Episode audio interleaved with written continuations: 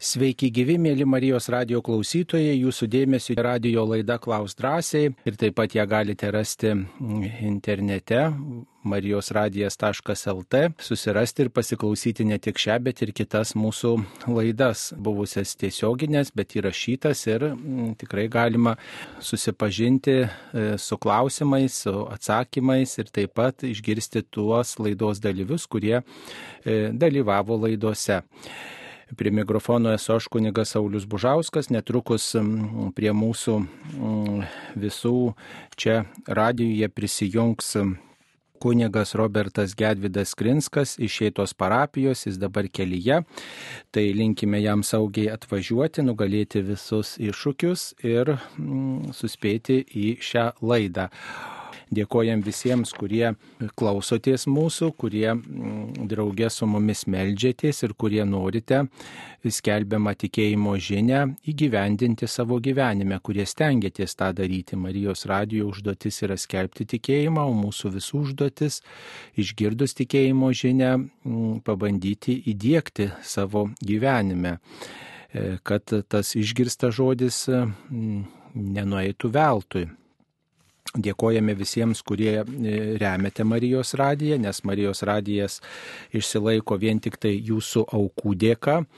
E, ir, e, ir tik tai jūs išlaikote Marijos radiją taip, kaip galite, kiek paukojate.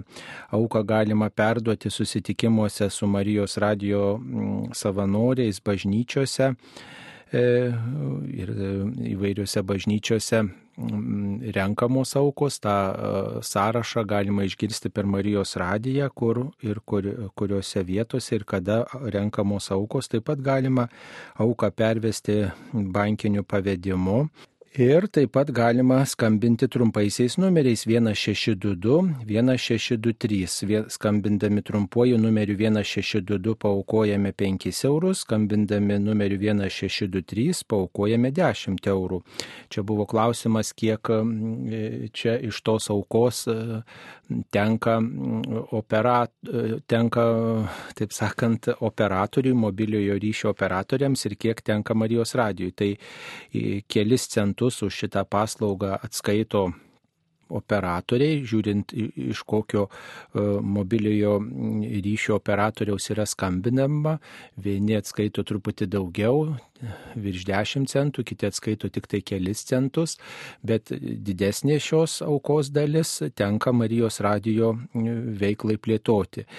Tai dėkojam visiems, kad jūs čia Lietuvoje išlaikote Marijos radiją, nes ir Marijos radijas visame pasaulyje, beveik jau e, netoli 90 šalių yra Marijos radijas veikiantis ir visada jį išlaiko tik tai klausytojai. Nėra jokios reklamos, nėra jokios komercinės veiklos, bet aukotojai prisidedami e, stengiasi, kad tikėjimo žinia pasiektų kiekvienus namus, įvairias vietas ir būtų maldos radijas. E, štai atėjo jau kelios ir žinutės, ar per vėlinės degant žvakutes turime palydėti maldą.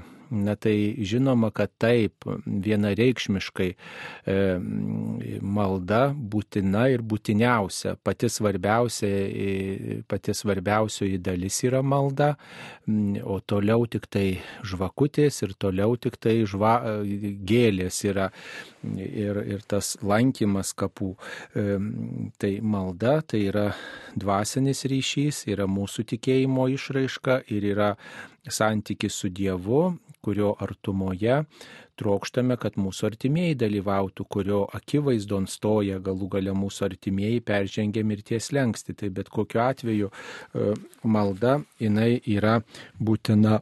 Aišku, įprasta mums sukalbėti amžiną atilsi, tačiau priimtina kalbėti poterius, tėvę mūsų, sveika Marija, garbė Dievui tėvui ir taip pat amžiną atilsi, maldas, kai kas sukalba viešpaties angelą, taip pat galima ir pasimelsti savai žodžiais. Viešpatie suteik dangaus ramybę mūsų artimiesiems, kurie čia palaidoti, visai giminė ir visiems tiems, kam šią valandą mūsų malda tikrai reikalinga.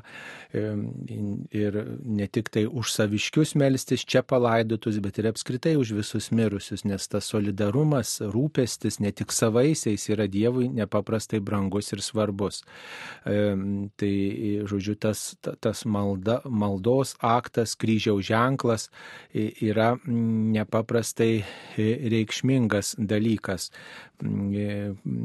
būnant kapinėse kai kurie žmonės netgi peržegnoja savo artimuosius ten palaidotus, taigi tą, tą turėti, tą praktikuoti yra labai gerai. Tai tikrai palydint mūsų mirusius malda, mes ir patys stiprėjame ryšį su Dievu ir taip pat mes pavedame mūsų mirusius Dievo gerumui ir Dievo gailestingumui.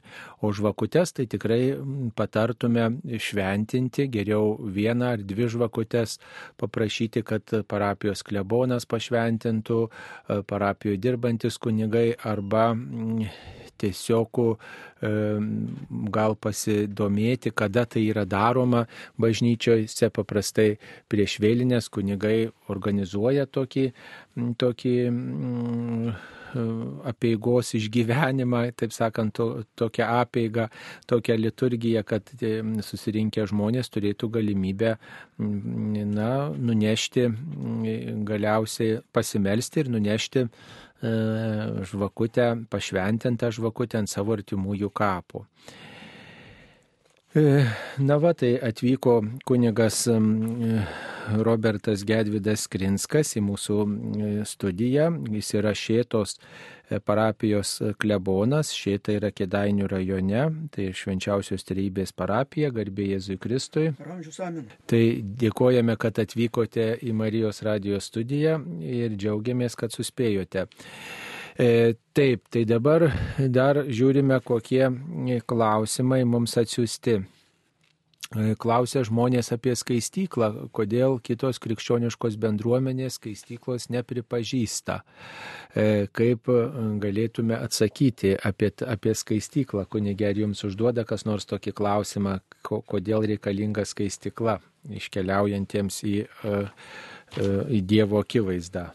Nu taip, savo metu buvo tokių klausimų, buvo, tai pagal, nu, bažnyčia remiasi ne tik šventų raštų, bet ir bažnyčios tradicija. Šventas raštas Makabėjų knygoje yra sakoma, kad labai gerai padarė dėl to, kad Makabėjaus laikais, kai kovojo, rado e, žuvusių kovotojų ten terbose tokių statulėlių, nu, žodžiu, stabukų, kurie tariamai juos turėjo saugoti nuo visokių pavojų.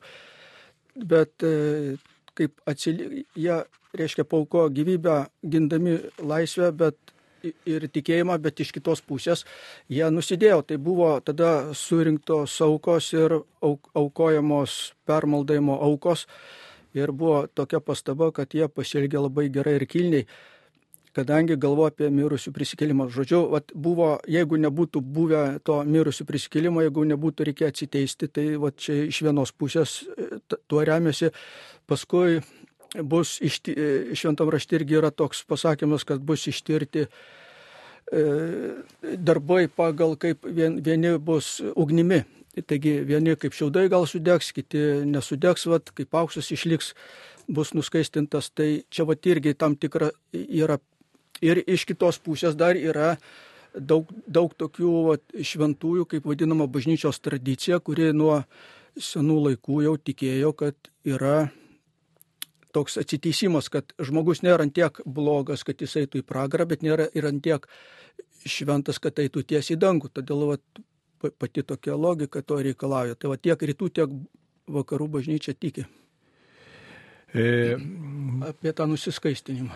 Tai taip, tai e, apie skaistyklą jūs teisingai pacitavote paštalą Paulių, pirmas laiškas korintiečiams trečias skyrius ir taip pat pirmas Petro laiškas pirmasis skyrius kalbama kad galima iš, pasiekti išgelbėjimą, išganimą tartum per ugnį, per ištyrinimo ugnį pasiekti Dievo akivaizdą. Tai yra įvaizdis, kuris pasitelktas tam, kad, kad primintų, jog ugnyje sudega visa tai, kas, kas trapu, kas laikina ir lieka tai, kas, nu, kas nemaru, kas, kas amžina, kas, kas, priklau, kas tobula yra. Ir, Ir, ir dėl to skaistikla yra paruošiamasis toks etapas, galima sakyti, e, e, kuris padeda stoti Dievo akivaizdon jau apvalytam, pasiruošusiam regėti viešpati. Ir tie nuodėmių padariniai tuomet jau yra nuvalyti ir žmogus gali būti Dievo artumoje.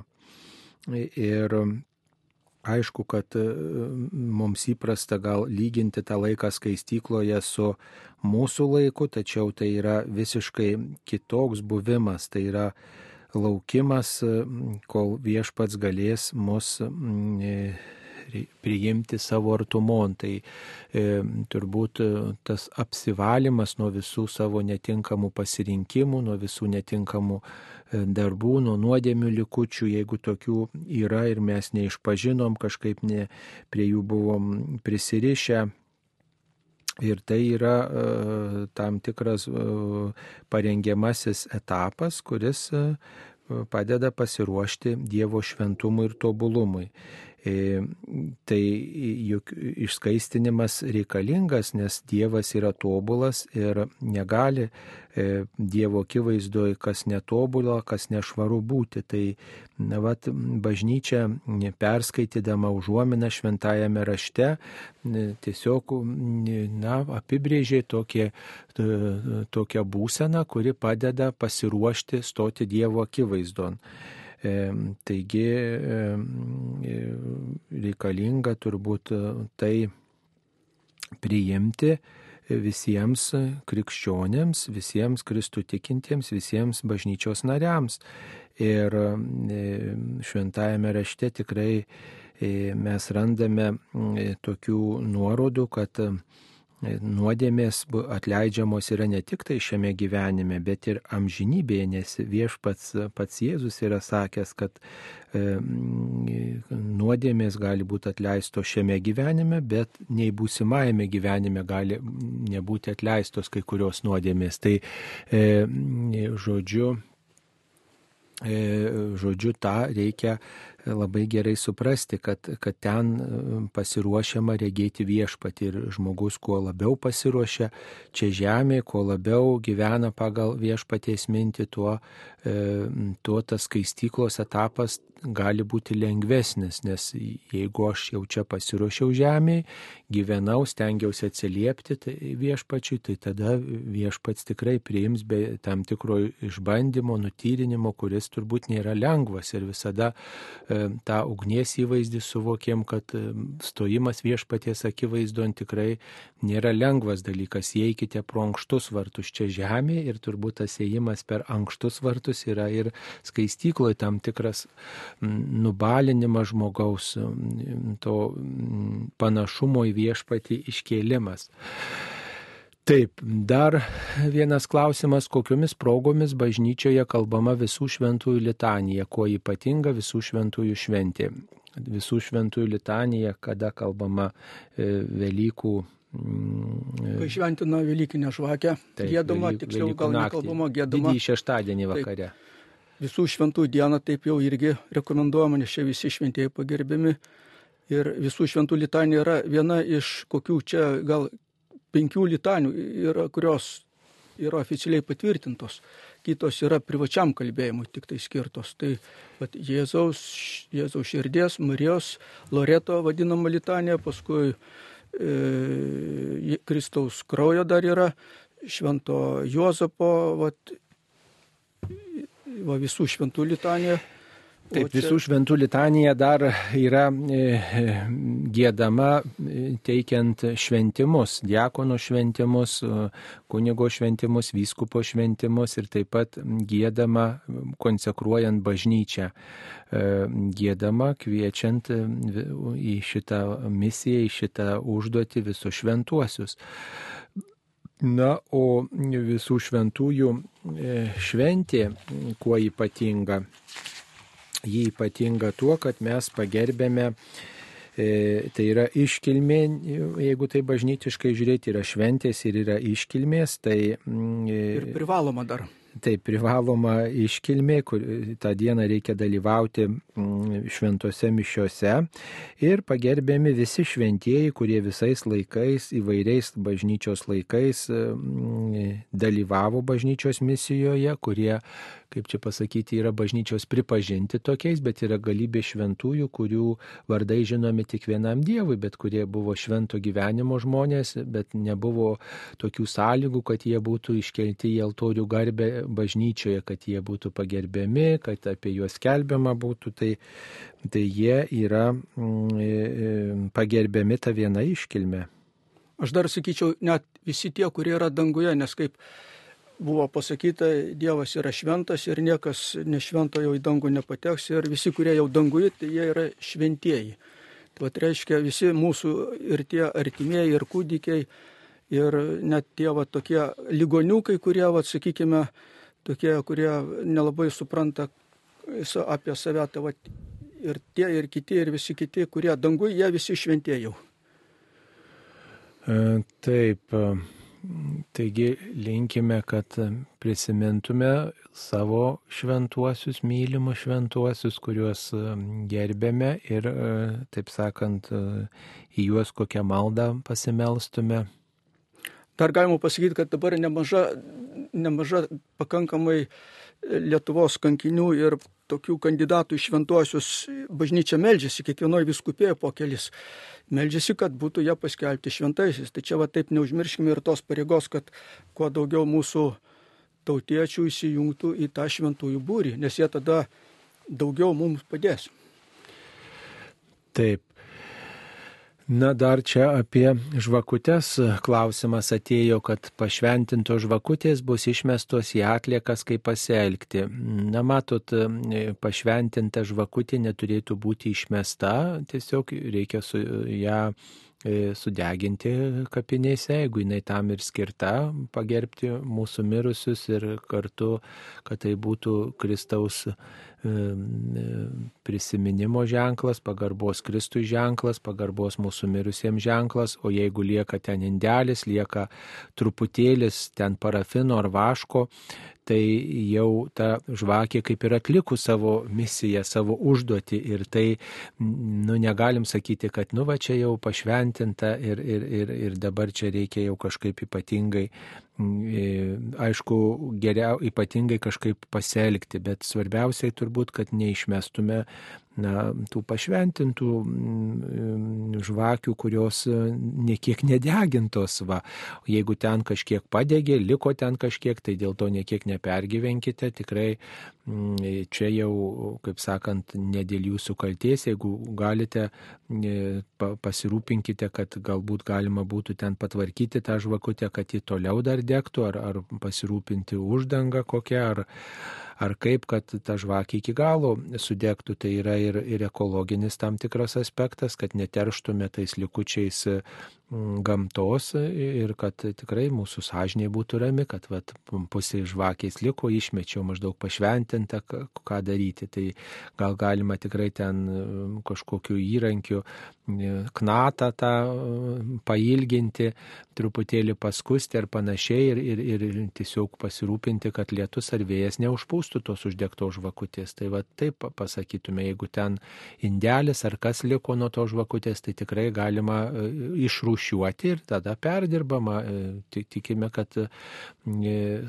perdirbamos visos tos atliekos. Aišku, nereikėtų turbūt labai gausiai tų žvakių pridėti, tą apie tai irgi pagalvokite. Nereikia ten dešimtim, užtenka vienos, dviejų turbūt ant kapo. Geriau gal tikrai tas lėšas panaudoti kažkam kitam, artimo meilės darbams. Nepamirškit, kad artimieji mirusieji pagerbiami ne tik malda, ne tik gėlėmis, ne tik tai žvakių gausa ir gražiais paminklais, bet ir artimo meilės darbais. Labai nuo seno toks paprotys buvo paremti artimuosius, mirusius artimuosius, padarant gerą darbą kažkam iš vargšų. O taip tai geriau nepirk tokių žvakių, kur su Marijos ar Jėzus atvaizdais dabar tokių irgi pasitaiko. Nes paskui, ką tu išmesi į šiukšlę kažkokią, tada išniekinimas švento atvaizdo būtų. Todėl, vat, jeigu nebent tokias žvakes, to, tokius indėlius su šventų atvaizdais laikyti namuose ten ir gal prie kokios ikonos deginti, o taip tai jau. O dar ką aš noriu pasakyti, tas šventas Atanazijus Aleksandrietis pabrėžia to žvakių ir deginimo ant žemės kapuose tokią svarbą. Jisai sako, kad nors mirusysis yra palaidotas žemėje, tu neturi praleisti deginti aliejų ir vaškant jo kapo, nes tai patinka Dievui ir pelno didelį atlygį. Ir vat nuo krikščionių pačios pradžios katakombose degindavo prie kankinių e, kapų žvakutės ir tas paprotys paskui iš katakombų, taip kaip buvo deginamos tos žvakės ant prie jų kap, e, sarkofagų buvo perkeltos ir dabar šventose mišiose irgi deginamos tos žvakės. Taip, tai tikrai nereikėtų čia turbūt perlenkti lasdos, kad labai jau ten gausa didelė tų žvakių. Tikrai apie tai pagalvokit, mėlyjei, nes lieka daug tų indelių, tuo plastiko, stiklo ir, ir tikrai kartais matyti, kad konteineriuose viskas suverčiama į vieną krūvą. Tai bent jau išrušiuokime ir tikrai gal užteks kuklesnių tų ženklų. Užteks, aš pasakysiu praktiškai, gal ir vienos žvakės. O jeigu nori daugiau, tai jie gali paukoti, nunešti į bažnyčią ir tos žvakės skirtos jų mirusiems degs prie altoriaus Tai čia bus tokia ypač kaimo bažnyčiose, kur trūksta tų žvakių ir, ir viso kito. Tai čia labai būtų tada ir, ir nauda ir mirusiems. Ir dar, nuo, jeigu per mišęs tos žvakės degs, tai ir mišių dalis, aukos mišių dalis nuopilnų eis irgi už tą mirusį, kadangi yra jo intencija žvakės dega. E, taip, e, dar viena žinutė apie e, skaistyklą ir pragarą. Noriu paklausti, kodėl katalikų tikėjimą visada esame gazdinami skaistykla, pragaras tiesiog nesinori gyventi, juk per visą dieną nesimelsi. E, taigi per visą dieną nesimelsi, bet gali ir melsiesi. Ta prasme, kad prisiminsi, jog reikia klausyti savo sąžinės vidinio balso, va, kuris manį byloja. Prisiminti, kad Dievas mane mato, kad Dievas mane myli, palaiko, melžiuosi ryte ir vakare, paukoju šią dieną Dievui ir E, bent jau kryžiaus ženklą padarau ir sakau viešpatė palaimink mane, eikim kartu, priimk visą tai, ką darysiu ir pasigailėk viešpatė manęs, jei ką per dieną netai padariau, atleisk ir suteik ramybę. Tai, tai tokiu būdu ir visą dieną mes maldai pavedam. Kita vertus, galima ir trumpomis maldomis viešpatė myliu tave, eikim kartu viešpatė patarka, kaip čia pasielgti, palaimink šitą žmogų, kurį sutinku ir panašiai tokiais trumpais atodusiais savo širdį Dievą garbinti. O, skaisti, o šitos e, skaistyklos ir pragaro tiesos, ta nuojauta apie, apie tas buveinės yra vis dėlto paties Jėzaus mm, išsitarta apie tai, kad laukia mūsų tam tikras įvertinimas ir ta atsakomybė už savo, už savo veiksmus ir, ir tas mm, pasirinkimų veiksmų pasirink, ir pasirinkimų pasiekmes turėtų būti mums akivaizdžios ir, ir, žodžiu, ta atsakomybė už mūsų gyvenimą tikrai turėtų mums būti nu, svarbus, kad mes negalim taip gyventi, lik nebūtų. Yra ta pražūties galimybė, jeigu netikėsiu, jeigu nesistengsiu, jeigu nemėginsiu mylėti artimojo. Kristus akivaizdžiai pasakė apie tai, ne kas netikė arba kas, kas netinkamai pagal tikėjimą gyvena, tie tie, tie gali atsidurti pražūti ir, ir, ir tikrai mes negalim to išbraukti, kaip pavyzdžiui,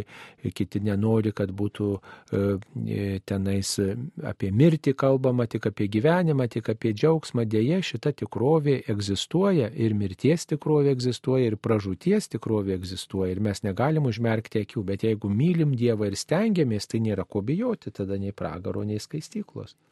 Nu taip, viešpats sakė, kad platus kelias eina į pražūtį ir daug jo einančių. Ir Dievo motina Fatimoje ir daugelį kitų vietų, kaip apsireiškinai, e, ragino žmonės taip apgailestavo, kad taip žmonės nekreipė dėmesio nei į Jėzaus perspėjimus, nei į evangelinį bažnyčios mokymą ir taip, taip čia vat, labai rimta, rimta, rimta realybė yra. Taip, dar vienas e, e, klausimas, praradau džiaugsmą gyventi ir ką daryti. Žodžiu, tai nenori žmogus nieko liūdno girdėti ir viskas, kas girdi, dar didesnį nusiminimą kelia. Na, nu, aš duočiau receptą tokį mažiau galvoti apie save ir daugiau apie kitus, kurie gyvenimo galbūt vat, yra tokių daug vienišų žmonių, yra nuskriaustų, yra ligonių. Ir vat, pradėk, reikia pradėti daryti gerus darbus. Ir kai mes darom, ir kai mes darome kitiem gerus darbus, kai rūpinamės nesavimo kitais, tada ir tas džiaugsmas ateina. Apie tai ir vaižgantas buvo ten rašęs ir, ir kiti taip. E, džiaugs, norint, nešti, norint būti laimingas, laimę neš kitiems ir tuomet toj laimė paslaptingai grįžta mums patiems, panašiai kažkaip, ar ne?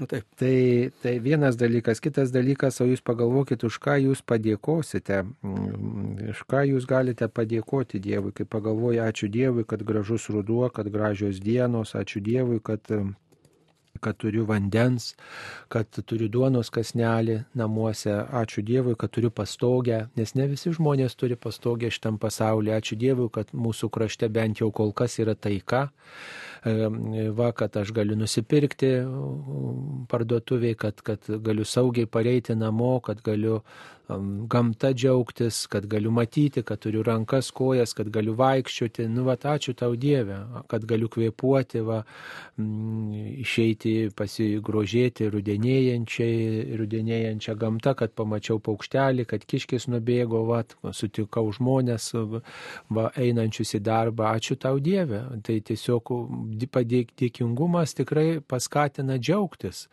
E, paskatina džiaugtis ir, ir, ir tiesiog nusišypsoti atsistokit prieš veidurtį ir nusišypsokit ir pažiūrėkit, koks jūs gražus žmogus esate. Kad kito tokio kaip jūs nėra, kaip pagalvoji. Tai tikrai labai džiugu ir smagu, kad kito tokio kaip aš, kaip jūs nėra šitam pasaulis. Kersai išilgai išvaikščiokit, nerasi tokio paties. Kaip, kaip sakė Žanas Žakas Ruso, švari sąžinė tai nuolatinė šventė. Tai irgi va čia toks yra, kada taika, viduj ramybė, palaima, džiaugsmas, tada va, tas kyla ir į, į išorę. Taip, mums paskambino. Klausytoja Antanina. E, mums paskambino. Taip, klausytoja Antanina, prašom. Per amžius. Aš tokių vis klausiu. Pirmiausia, dėkuoju, kad turėjom Marijos radiją, kad galim pasimelsti, esam jau garbaus amžiaus žmonės. Nuširdai ačiū Marijos radiją, kad galim pasimelsti. O aš turiu tokį klausimą pas mus yra viens kunigėlis ant trijų bažnytėlių. Ir mes dabar per visus šventus atvažiuojam ir randam tik tošti bažnytėlį, nes jis anksti laiką mišis. Mes nespėjam. Norėjome tą žvakelį pasišventinti ir te paremti bažnytėlį. Nu, nėra kur, ateini, eini, pasimeldė viskas o gal galėtų duoti per tokį šventės iš kur nors kunigėlį, paremti tą kunigėlį, kad nors galėtum e, atlaikyti mišelis, tai mes galėtume visi suspėti. Aha. Mano toks yra klausimas. Taip, taip, taip, ačiū, ačiū. Nu tai čia e, e, viskupams klausimas, e, ar gali duoti iš kur nors kunigą. Nu tai nežinau, žinot, ar gali duoti šventėms kunigą. Paprastai jau kunigas skiriamas visam laikotarpiui, vienai ir kitai parapijai arba kelioms parapijoms kunigų nėra mm, daug ir, ir, ir tikrai trūksta kai kurioms parapijoms. Mm, ten, kur mažiau tikinčiųjų, ten natūralu, kad ir, ir kunigų mažiau. Kur daugiau tikinčiųjų, ten viskupai rūpinasi, kad būtų ir daugiau mm, patarnaujančių kunigų. Tai, e, na tai turbūt gal kalbėkite su, su savo kunigu, kaip čia padaryti, ne kad, kad tos mišios būtų gal kitų laikų, kad suspėtumėt. Galbūt paprašykite parašykit vyskupo, parašykit laišką parapiečiai tokį, vat, kad skirtų tai parapijai kunigą galbūt jeigu ir kitai, kitom progom lankysitės. Nu, aišku, jeigu žvakelės norit pasišventinti, galbūt galima m, iš anksto tą padaryti, m, pasišventinti šiek tiek ne, ne paskutiniu laiku. Žinot, tas e, šventinis ritmas jis truputį gal yra šiek tiek ir įdingas, nes pavyzdžiui, kunigui per, prieš Velykas, prieš Kalėdas, per visus šventus atrodo, kad reikia, nu nežinau, pasidalinti į daugybę dalių ir atrodo žmonėms tik tuo laiku reikia. Kunigui kunigo tik tai tada, o, o kitų laikų, o kitą sekmadienį, o sekmadienį prieš atrodo jau nereikia. Tai nu, ne tik per šventęs, ne, reikalingas tas dvasinis gyvenimas. Aš tai žinot, pasakyčiau, čia toks vat, kunigėlio dabar reikia šiai šventi ar kam, tai čia toks skilių kamšymas, problemos neįsprendžia, o, o, o jum reikėtų ką padaryti, reikėtų pas savo vaikus, galbūt net ir anūkus, kurie jau jauni, kurie jau sukūrė šeimą, ruošiasi kurti šeimą, jų prašyti, kad jūs dar vieną vaiką dovanokite Dievui, bažnyčiai, kad jis užaugęs auklėkite taip, kad būtų kunigėlis. Paskirti tiesiog Dievo garbę ar vienuolynui, ar, ar, ar bažnyčiai, va tai va, ir, jis, ir taip auklyti, ir jam tą dalyką pasakyti. Ir gal Dievas va išklausys ir tauką prims, nes dabar praktiškai žmonės vietoj vaikų augina šunis įvairiausių rušų, vedžioja ir visą kitą, vaikų nenori auginti, tai iš kur tie kunigai imsis. Dažniausiai augina po vieną vaiką, tas vienas tai būna jau tarsi tėvams globėjas, užtarė ten ir visą kitą. Tai aš pasiūlyčiau pagalvoti ir imtis tokios akcijos, kad jūsų tam miestelį ar kaime ten žmonės, jauni žmonės ir ne tik tie giminės, bet ir šiaip jaunos šeimos augintų daugiau vaikų. Ta, ta raginti visus, nes būna dažnai pastebėjau, kad pačios močiutės jos e, atkalbinėja savo dukras ar martis, kad turėtų daugiau vaikų gal nežinau, čia tokia gal kažkokia tai baimė, kad jai duonos neužteks ar priežiūros ar dar kas nors, nežinau, bet va, tok, tokia tendencija yra. Taip, dar Genovaitė parašė vieną žinutę. E, Sesiai skaitanti ir žinanti šventą įraštą sako, kad nėra ten parašyta, kad melstis užmirusius. Jo sūnus miręs, jį mane leidžia užsakyti mišių, nes jis jau pas Dievą. Sesė krikščionė, jo sūnus buvo tikrai labai tikintis tai sesė tikrai klysta, nes antrojoje Makabėjų knygoje yra parašyta apie maldą užmirusius, o taip pat ir Naujajam testamente yra daugybė nuorodų, kur bylojama apie maldą ir taip pat bylojama apie e, tą galimybę E, gyventi anapus, anapus mirties, e, apie tai, kad viešpats yra gyvųjų dievas ir e, galų gale bažnyčia remiasi ne tik šventuoju raštu, taip remiasi šventuoju raštu, tačiau yra ir ta tradicija, kuri nuo pirmųjų amžių buvo, ne kai krikščionys meldėsi prie kankinių kapų, prie savo mirusiųjų kapų ir taip pat na, tiesiog ta, ta tradicija iš kartos į kartą buvo perduota iki mūsų dienų ir mes negalim nuneikti tuo, kuo tikėjo pirmos krikščionių kartos. Reiškia, mes remiamės ne tik tai taip Dievo žodžiu, bet ir tradicija iš didžiosios raidės, ar ne? Ir melstis užmirusius yra tos tradicijos dalis. Kaip šventųjų bendravimo tiesa net įrašyta tikėjimo išpažinime. Tai kas yra šventųjų bendravimas? Šventieji visi tie, kurie tiki Kristum, kurie sekė paskui Kristų galų gale, ne, ir mūsų mirusieji taip pat, mes linkim jiems to šventumo, susitikimo su Kristumi. Ir, ir malda būtent padeda tam, nuskaistina mus, nuskaistina tuos, kurie iškeliauja kitais būdais, mes negalim bendrauti su iškeliavusiais. Tai ir yra ta bendravimo dalis malda tai tą mm, vienareikšmiškai pasakyti, kad va, Jėzus nekalbėjo amžinatilsi, e, tai mes taip negalim, reiškia, Jėzus nekalbėjo amžinatilsi maldos, tai ir mums nereikia. Na tai nekalbėjo Jėzus ir mes nerandam, kad Jėzus aukotų mišes užmirusius. Taip to nebuvo, bet bažnyčia nuo pirmųjų amžių meldėsi už iškeliavusius ir mes tą tradiciją tęsėme į vieningą šeimą jungdamiesi. Tikrai jūs nepakenksite, o padėsite ir savo tikėjimui, ir savo iškeliavusiems mirusiems. Tikrai, e, jeigu jūsų sesė skaito šventą raštą ir sako, ten yra ir nereikia, tai turbūt, nu, vat, jį renkasi ne katalikišką tikėjimą, o protestantišką tikėjimą. Jeigu mes esam katalikai, tai katalikų tikėjimo dalis yra malda lydėti iškeliavusiuosius. Malda lydėti iškeliavusiuosius. Ir jeigu jūs save laikote, laikot katalike, tai tikrai melskitės ir už tuos visus iškeliavusius, ypač vėlinių dieną ir, ir vėlinių savaitę. Ir taip pat, pavyzdžiui, yra tradicija melstis mirusiojo žmogaus dieną už jį.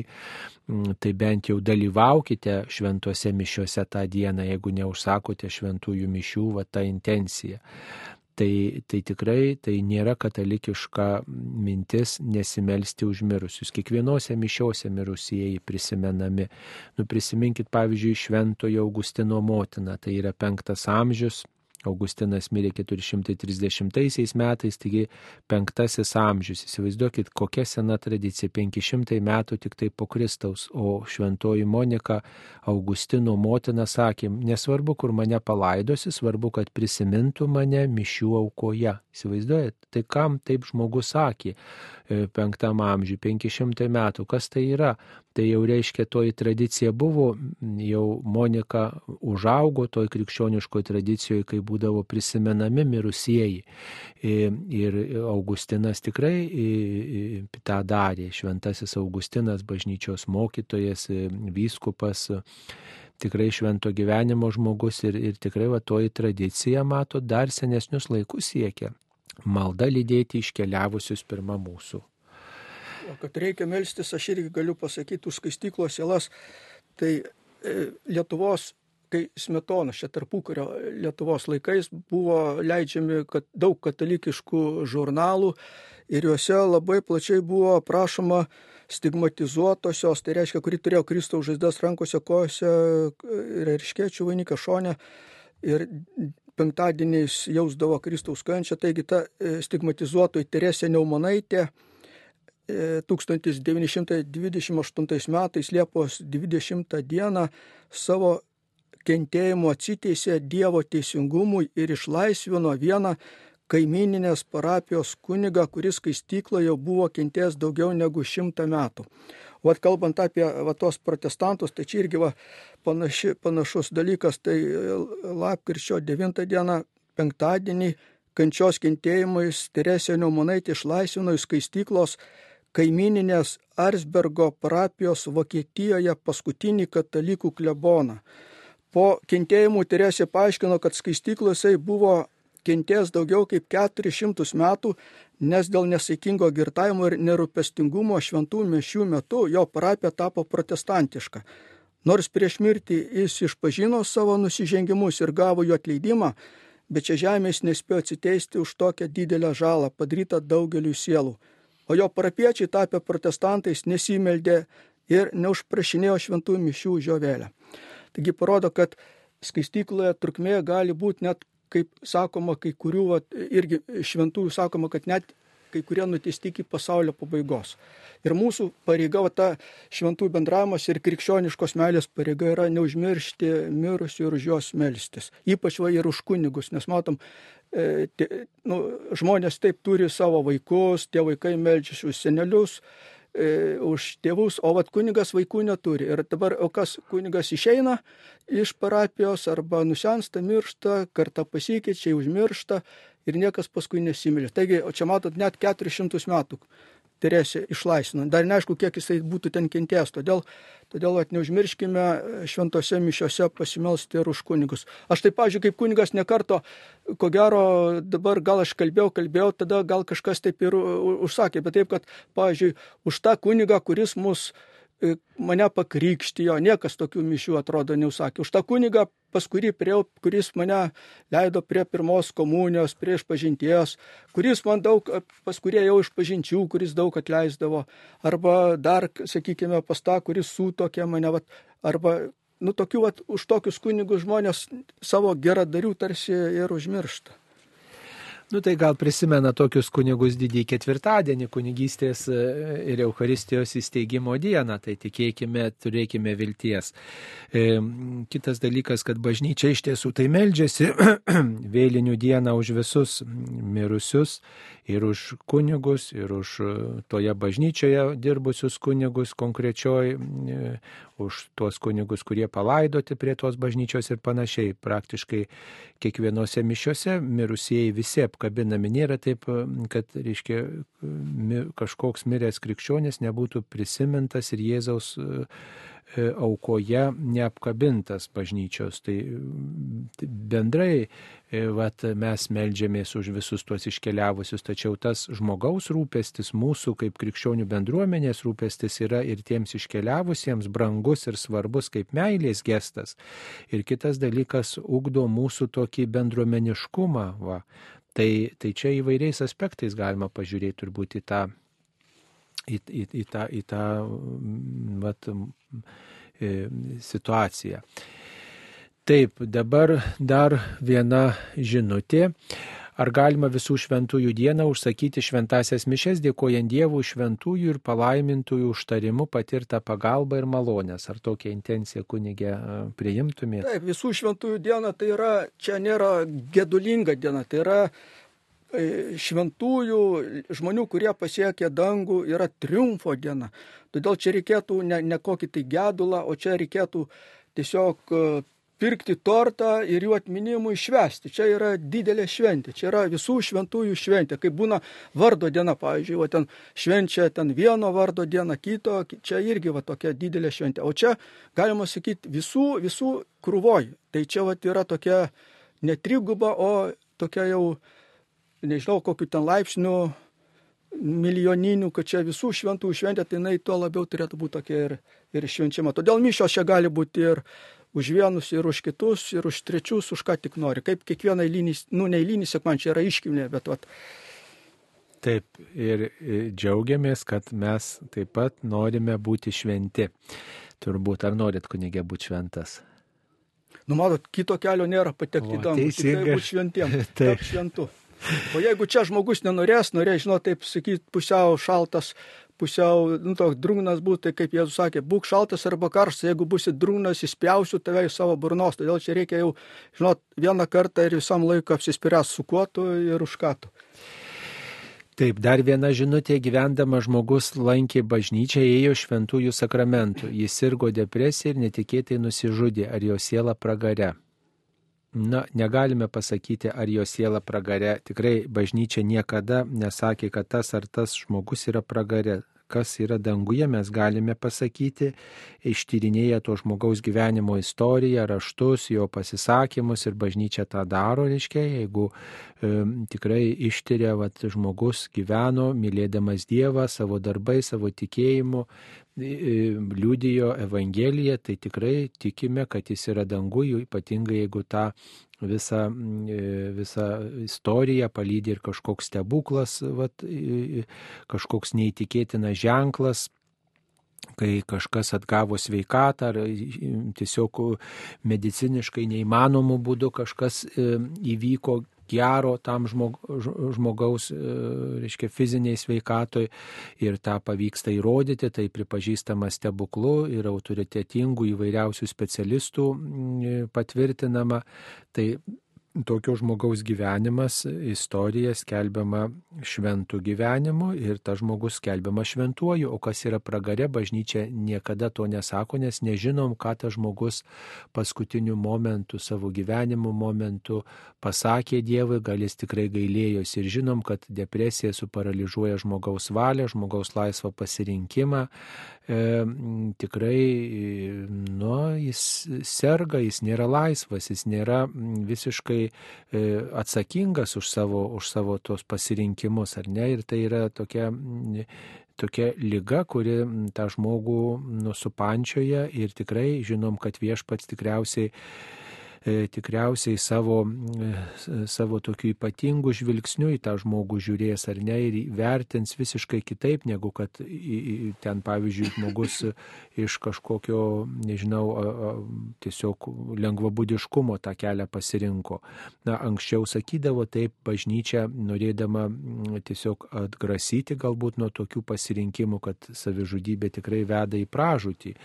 Ir, ir, ir tiesiog, na, va, toks pedagoginis aspektas buvo nepaprastai svarbus ir net laidotuvių apėgos būdavo skirtingai organizuojamos nusižudžiusių žmonių ir tikrai tam, kad nesirinktų žmonės tokio kelio, bažnyčia labai griežtai tą, tą smerkė, bet dabar matom, kaip ypatingai psichologijos mokslas paliudyja, kad žmogus dėl kokių priežasčių tą veiksmą renkas ir panašiai, tiesiog daugiau atrasta, daugiau suprasta apie tai.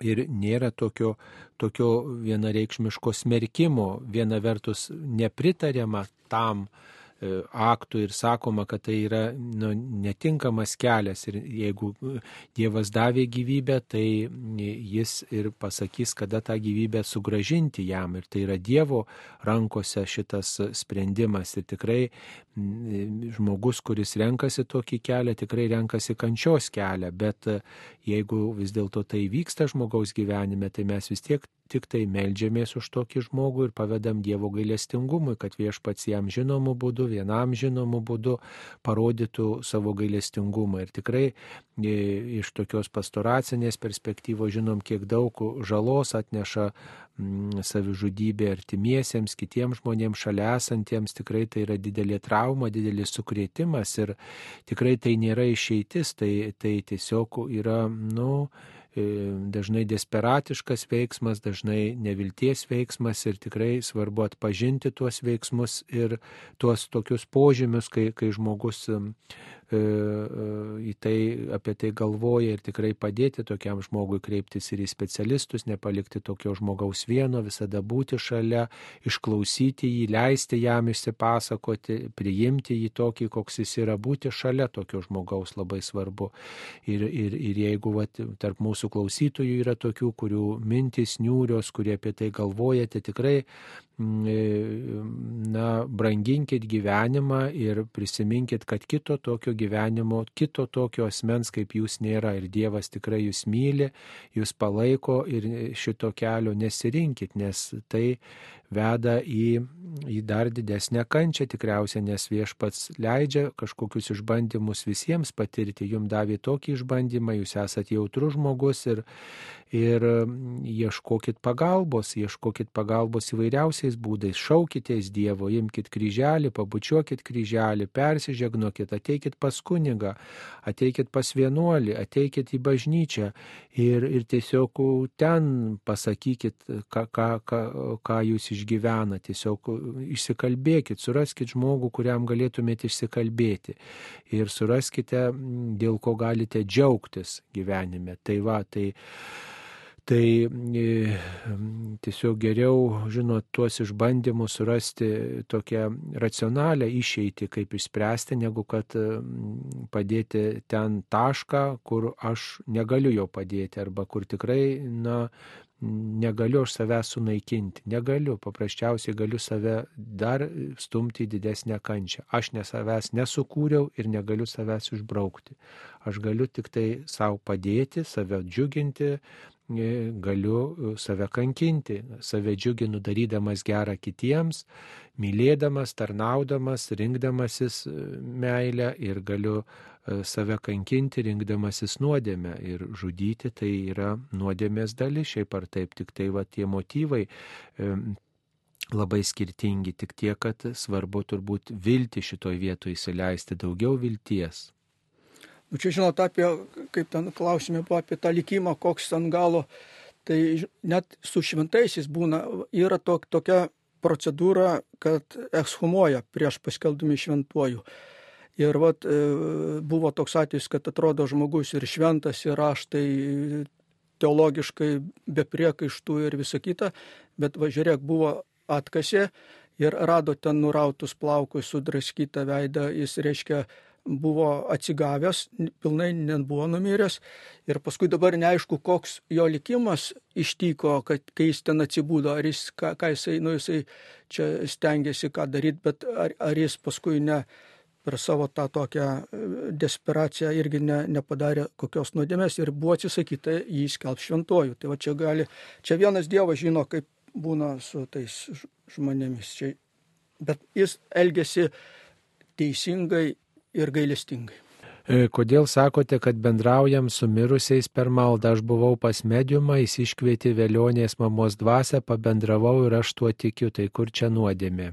Na tai jeigu buvot pas mediumą, e, tikrai tai yra nuodėmė visų pirma, kviestis mirusiuosius ir kreiptis į juos taip, kaip mediumas ten daro, tai yra nuodėmė, nes jūs nežinot nei kokią galę tas mediumas tą daro ir a, ar nėra ten iš tiesų šėtono dvasia, kuri, mm, kuri tiesiog nu, vat, prisistato jūsų mamos e, dvasia. Tai, tai yra nu, visiškai pavojingas būdas, visiškai tolimas nuo Dievo būdas, kuris atgrėžia žmogų į šėtoną, kuris e, visas tas žmogui duotas dvasinės galės atveria šitoniškai gali, šitoniškam veikimui. Kitaip sakant, jūs save atiduodat piktajam, jūs tolstat nuo Dievo.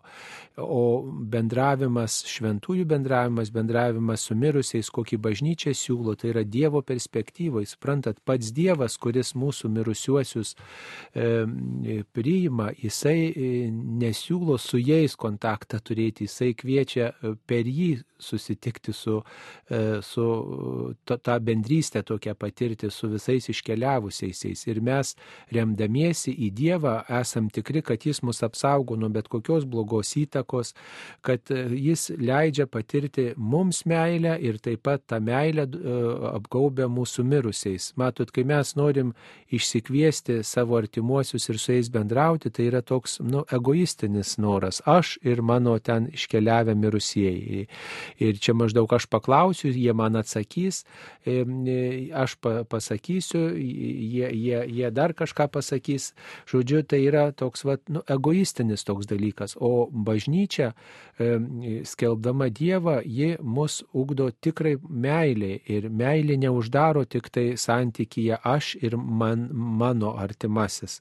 E, Dievas nori, kad mes visi kaip viena šeima jaustumės, kad mes tikrai per jį apsaugoti kreiptumės į, į, į, į tuos, kurie iškeliavo. Ir Dievas yra tas, kuris tą garantuoja. Ir, žodžiu, tai yra saugus būdas kreiptis į Dievą ir už, užtarti mūsų mirusius ir kartu prašyti viešpaties, kad ir galbūt mūsų mirusieji mus malda lydėtų. Tai, žodžiu, Dievas yra tas saugus, apsauginis, kaip sakant, saugus, saugus palydėtojas šitam keliui.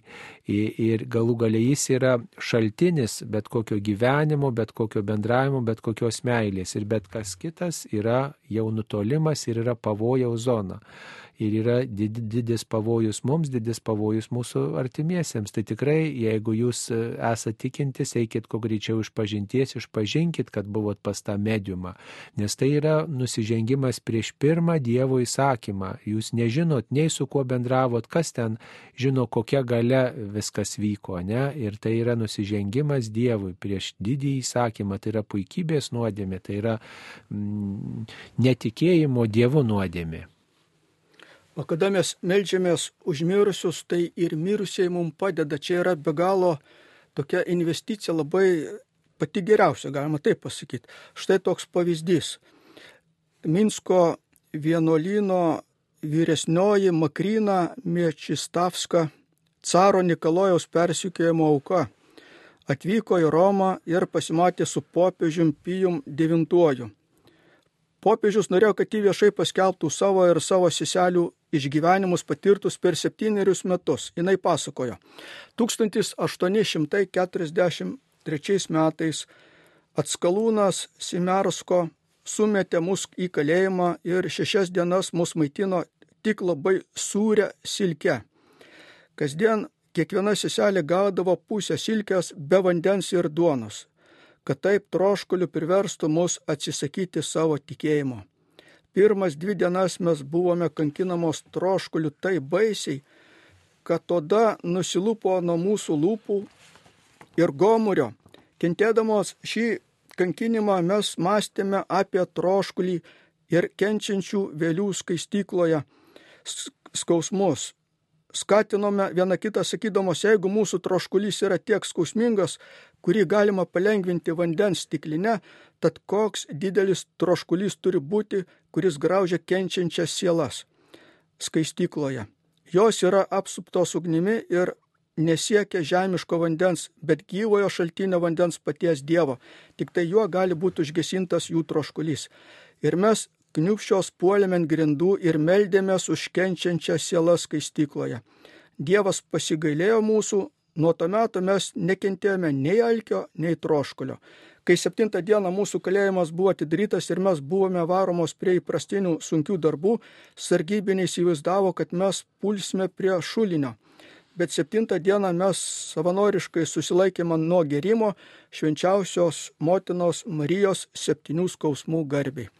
Taigi matome, kad sielos skaistykla, kai buvo už jas melžiamasi, labai padėkojo ir padėjo joms ištverti tos kankinimus. Taip, mums paskambino. Elena iš Panevežio. Taip, keliauskite, Elena. Garbė Kristui. Per amžius. Aš pirmiausia, tai norėjau padėkoti vienam kunigui, kuris gal viso Lietuvoje ne vienas kunigas taip nuoširdžiai ir dvasingai nesimeldžia, kaip Palemono vikaras Vidmantas Balčaitis. Nu, žinokit, malonu klausyti. Nu, tiesiog tikrai iš visos širdies meldžiasi ir, ir, ir gera kartu su juo melstis. O dabar noriu dar pasakyti tokį, tokį dalyką, kad nemalonu klausyti kunigų tų, kurie išsidirbinėja, va ta tikra žodžio prasme, taip sakant, kaip pavyzdžiui Kauno Soboro Vitenis Vaškelis, kaip išsidirbinėja, arba, arba kaip išsidirbinėja Zarasų kunigas, užmiršau pavardę. Tai jūs pasakykit, kas tas įsidirbinėjimas yra, ką jūs laikote įsidirbinėjimu. Nu, pakeičia balsą.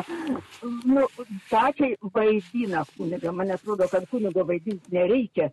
Reikia būti juo, o ne vaidinti kunigą. Uh, nu, toks nu, reikia natūraliai, va, kaip jūs, pavyzdžiui, kunigė Sauliau, arba, arba visi kiti, aš nuolatinį Marijos radio klausytoja esu ir klausausi dieną iš dienos, nuo atsikelimo iki, iki atsigulimo. Visus kunigus galima sakyti, iš balsų pažįstu, ir kunigus, ir viskupus visus pažįstu. Nu, visi natūraliai kalba, dauguma žinoma, bet yra tokių, kurie tiesiog nori suvaidinti, kad aš esu kunigas, o ne, o ne.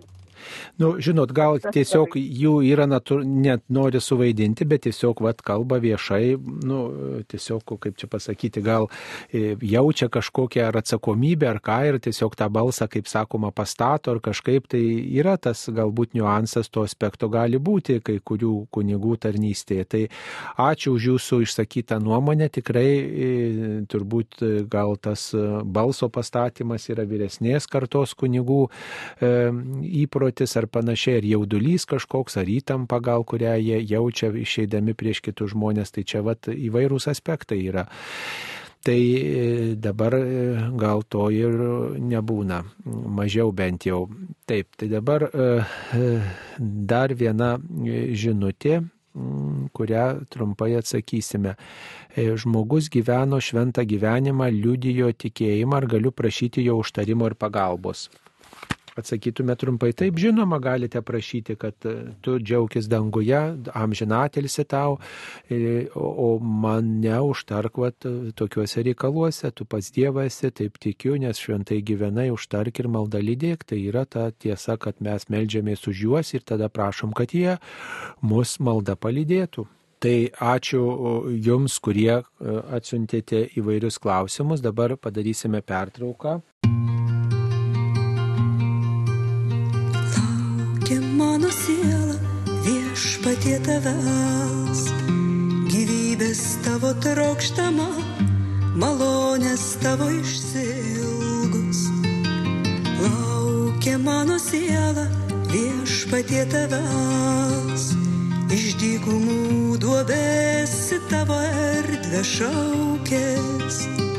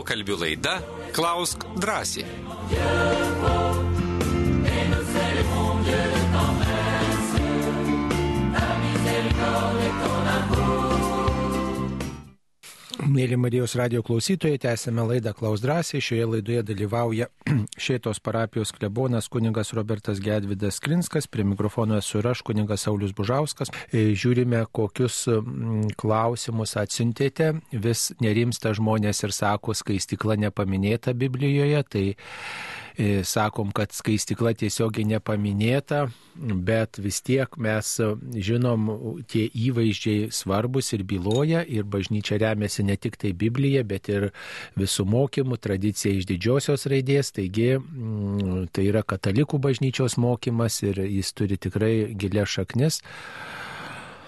Taip ir tam to neatmetame. Mirusiajam neskambėjo varpai. Kodėl?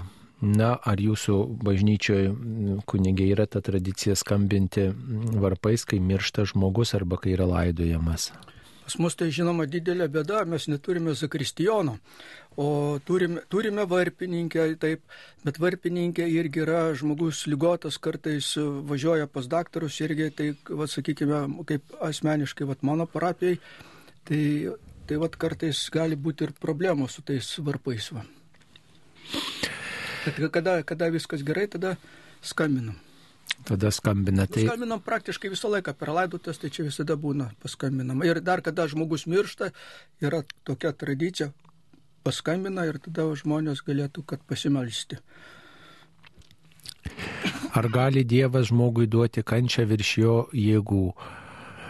Na, Dievas duoda tiek ištverti, kiek žmogus gali ištverti. Tai tikrai mm, nėra taip, kad Dievas mus kankintų. Mus kankina paprastai mm, kitų žmonių arba mūsų pačių netinkami pasirinkimai e, įvairios įvairios aplinkybės, aišku, tą kančią didina, bet mūsų visų užduotis turbūt padėti, prisidėti, kad tos kančios būtų mažiau. Už tai ir mes melžiamės vieni už kitus, vieni kitus aplankom, vieni kitiems padedame. Tai e, tiesiog Dievas veikia ne tik tai tiesiogiai, bet jis veikia taip pat ir per kitus žmonės. Prašyčiau paaiškinti, kokiu atstumu nuo klausyklos turėtų būti žmonės, kai atlieka išpažintis. Ar galima paprašyti, kad jie nebūtų prisigrūdę prie pat klausyklos, dauguma turbūt nepagalvoja apie tai. Nu, kada eina vienas žmogus iš pažinties, o kitas už nugaros stoja, tai reikėtų per tokį atstumą laikytis, kad nebesigirdėtų, ką ten jisai savo nuodėmės sako. O jeigu vat, to žmogaus atstumas iki e, langelio, iki grotelių klausyklos, tai dabar dar galioja, man atrodo, visose bažnyčiose tas nurodymas, kad būtų tokia plėvelė, kuri, nu, taip sakyti, dėl virusų, dėl apsaugos, vat, tai reikia maždaug kalbėti taip, kad vienas kitą girdėtų. Taip, čia per daug tas atstumas, atstumas čia blogos įtakos nedaro, kai arčiau, jeigu žmogus būna, nes yra ta plėvelė, tai vadinama. Taip tai laikytis truputį toliau kad negirdėtume kito žmogaus nuodėmių, turbūt etiška, kaip aš nenoriu, kad mano nuodėmės kitas žmogus girdėtų, taip ir apie kitą turiu pagalvoti. E, aišku, ir kunigo turbūt būtų užduotis va, truputį ir stebėti šiek tiek tą aplinką apie klausyklą ir, ir gal duoti ženklą šiek tiek, ar išeiti pasakyti žmonėms, mm, pasakyti žmonėms, kad truputį gal atstumą laikykimės, mm, kai kažkas kitas atlieka išpažinti. Dėl pagarbos tam žmogui. Tai prašo, žmogus turiu didelių problemų, buvau pas daug kunigų, pagalbos negavau, tiesiog neturi laiko. Kviečiau parapijos kunigą aplankyti sergantį vyrą, kunigas atsisakė, teisindamasis, kad neturi laiko. Mažai gerų kunigų. Nu va, atleiskite, Tai nu, labai keista, kad kunigas atsisakė lankyti sergantį vyrą, gal netaip supratote, gal yra buvęs neseniai sunku pasakyti, bet dažniausiai turbūt kunigai neatsisako aplankyti, jeigu kažkas kviečia pas ligonį ar panašiai, arba, arba tiesiog gal tuo jau pat negali, bet, bet reiškia, ar kitą dieną, ar, ar, ar atideda kažkuriam laiku, gal pamiršo, tai bandykite galbūt pasikviesti iš kitos parapijos kunigą, jeigu jau ten taip atsitiko, bet bandykit gal dar kartą ateiti ir sakyti kunigė, va tokia situacija, kada galėtumėte ateiti. Dabar visos ligoninės turi savo kapelionus, tai kartais o kunigas gali atsisakyti, jeigu, sakykime, rajono centre žmogus guli arba, arba net e, kokiam nors e, didmešio ligoniniai, o jį iš kokio tai kaimo nori atvežti. Tai kam tokį atstumą važiuok ir ten gaišk, jeigu kai jeigu kunigas yra užimtas, jeigu yra šalia, šalia kapelionas, kuris priskirtas prie tos ligoninės ir ten vat, reikia pasitirato. Taip kunigas niekada ne, neatsi, turi niekada neatsisakyti pas ligonius. Ir žmonės neturėtų vengti kviesti kunigą, tai kunigui griežtai draudžiama imti auką, kai kviečiamas pas ligonį. Čia nėra, nėra uždarbios, čia tam, kad būtų sielos, sielos išganimas. Ir dar reikia pasakyti labai liūdną dalyką, kad labai mažai žmonių kviečia kunigus pas ligonius paprastai, vat, pa, pagal mano, pažiūrėjau, parapiją, beveik vos ne didesnė pusė mirštančių būna neprūpinti šventais sakramentais. Ir priežastis, sako, mes nesitikėjome. Taigi kartais vat, lankai ligonį pasitin kalnas vaistų ant spintutės sudėtas. Pas daktarus važinėja ten gal kas nežinau, per savaitę po kelis kartus, va taip.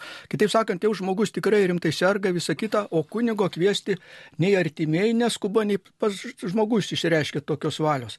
Tai čia va, daro, daro, žodžiu, gal žmogus jau nelabai samoningas tuo momentu, gal jisai kitaip ten jau lygoj masto, bet artimiai turėtų pasirūpinti, kad jis mirtų jeigu ar, arba net ir nemirtų, nes čia yra, Vetikas yra nu, ir Vatikas, ir e, Šventoji komunija yra, yra kaip vaistai.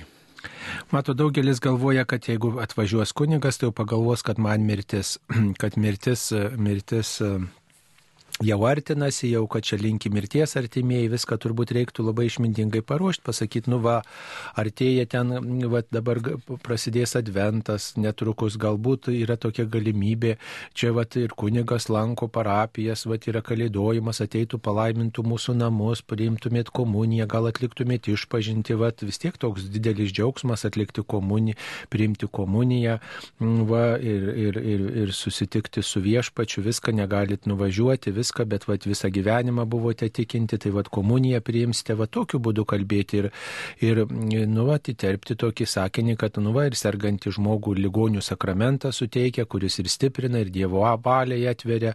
Nu, va, tiesiog tokiais žodžiais žmogų paruošti ir, ir tiesiog ir pasakyti, va, kunigas laimins namus ir lanko e, visus ir sergančius, ir vienišus, ir mūsų namus aplankys, ir pasimelsim kartu, išgersim arbatos, ir va, jūs aplankys ligonį, taigi atlaidai ir šventė šventė, kai ateina Kristaus nešėjas į namus. Tai, tai va tokią žinią duoti ir tai paruošti žmogų, ne kad tikrai jis atsivertų Dievo, dievo planams, Dievo valiai. Tai tiesiog jeigu atsisako, galbūt kitą kartą priminti, nesakyti, kad čia ateis tave pateps dabar, ateis kunigas, ar kviest kunigą tavo, nori kunigo, ateis kunigas tave pateps, ar, ar nori, kad pateptų. Tai žmogus įsigas, sakys, a jau čia gal tikrai kaip anksčiau tepdavo paskutinis patepimas ir man čia jau, jau linkia mirties viską. Tai, žinot, tiesiog truputį kitą perspektyvą paimti tam ligoniui, kad kunigas neša Kristų, neša palaiminimą, neša komuniją. Ir jau palikit kunigui ten įsiaiškinti, kaip kaip, kaip ten, kaip tik pasakyti, kunigui svarbu, ar jis komuniją gali priimti, ar jis bendraujantis, ar nelabai, va, tiesiog nupiešti tą situaciją. Bet čia reikia tiesiog tokio kūrybingumo, žinot, pastoracinio kūrybingumo ir nepalikti žmogaus tokioj, nu, tiesiog, žinot, tokioj tamsioj, tamsioj lygoj tik tai vien su vaistais, be, be sielos vaistų. Va, ir kančia bus nuopelninga, jeigu žmogus va, prieis iš pažinties ir komunijos, kada bus malonė stovė. Tai čia irgi labai svarbu ligonėms. Taip, mums paskambino. Klausytoja iš Kauno. Taip, mėla klausytoja, klauskite. Gerbėsiu Per amžius. Atsiprašau už balsą, truputį užkimus. Taip, gerai. Prieš pertrauką kalbėjusi moteris labai suvirpino širdį, negaliu neskambinti. Kunigo Balčaičio nepažįstu. Kuniga Vitenį Vaškelį galiu sakyti pažįstu labai gerai kaip kuniga. Tai yra Dievo tarnas, tai yra gilus dvasininkas, labai apsiskaitęs, atmintis puikiai, Dievo karys, ir labai skauda, kada girdim, galbūt žmogus turi nervinių sutrikimų sveikatos ir išleidžiama į eterį, beje, operatorius galėtų truputį paklausti komentarų iš skambinančių žmogaus.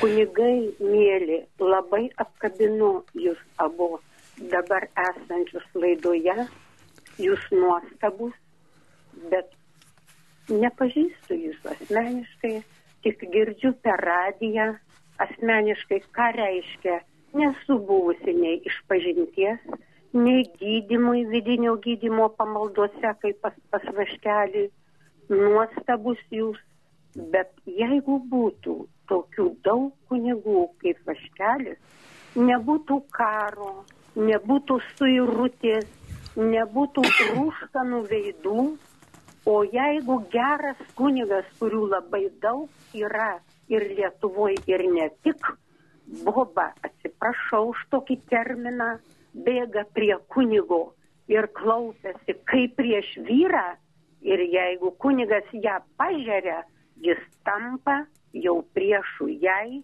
jos aplinkos ir taip, ir taip toliau. Taip, Lenkiuosi prie šitą kunigą, tiesiog dėkoju Dievui, jam sveikatos. Taip, ištvermės. ačiū. Ačiū Jums, ačiū. Tai daugybė žinučių ateina, kad e, tikrai kunigo tokia intonacija yra vieno ar kito, gal yra sveikatos problemų ir panašiai. Tai e, tikrai e, žmonės sako, tie kunigai neįsidirbinėja, apie kuriuos e, klausytoje minėjau. Tai e, ačiū, kad Jūs išvelgėte visuomet šviesių dalykų ir tikrai, e, tikrai linkim, kad e, palaikytume vieni kitus. Taip, draugo išdavystė, kaip tai priimti ir melstis už jį.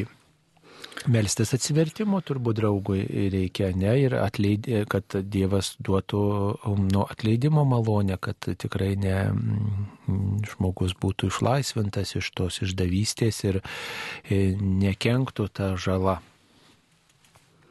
Matot, svarb...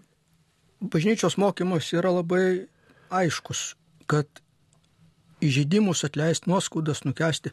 Tai kitaip sakant, jeigu mes atleisime, tai daugybę kitų mums patiems prieš Dievą padarytų ir artimo nuodėmių Dievas mums atleisti.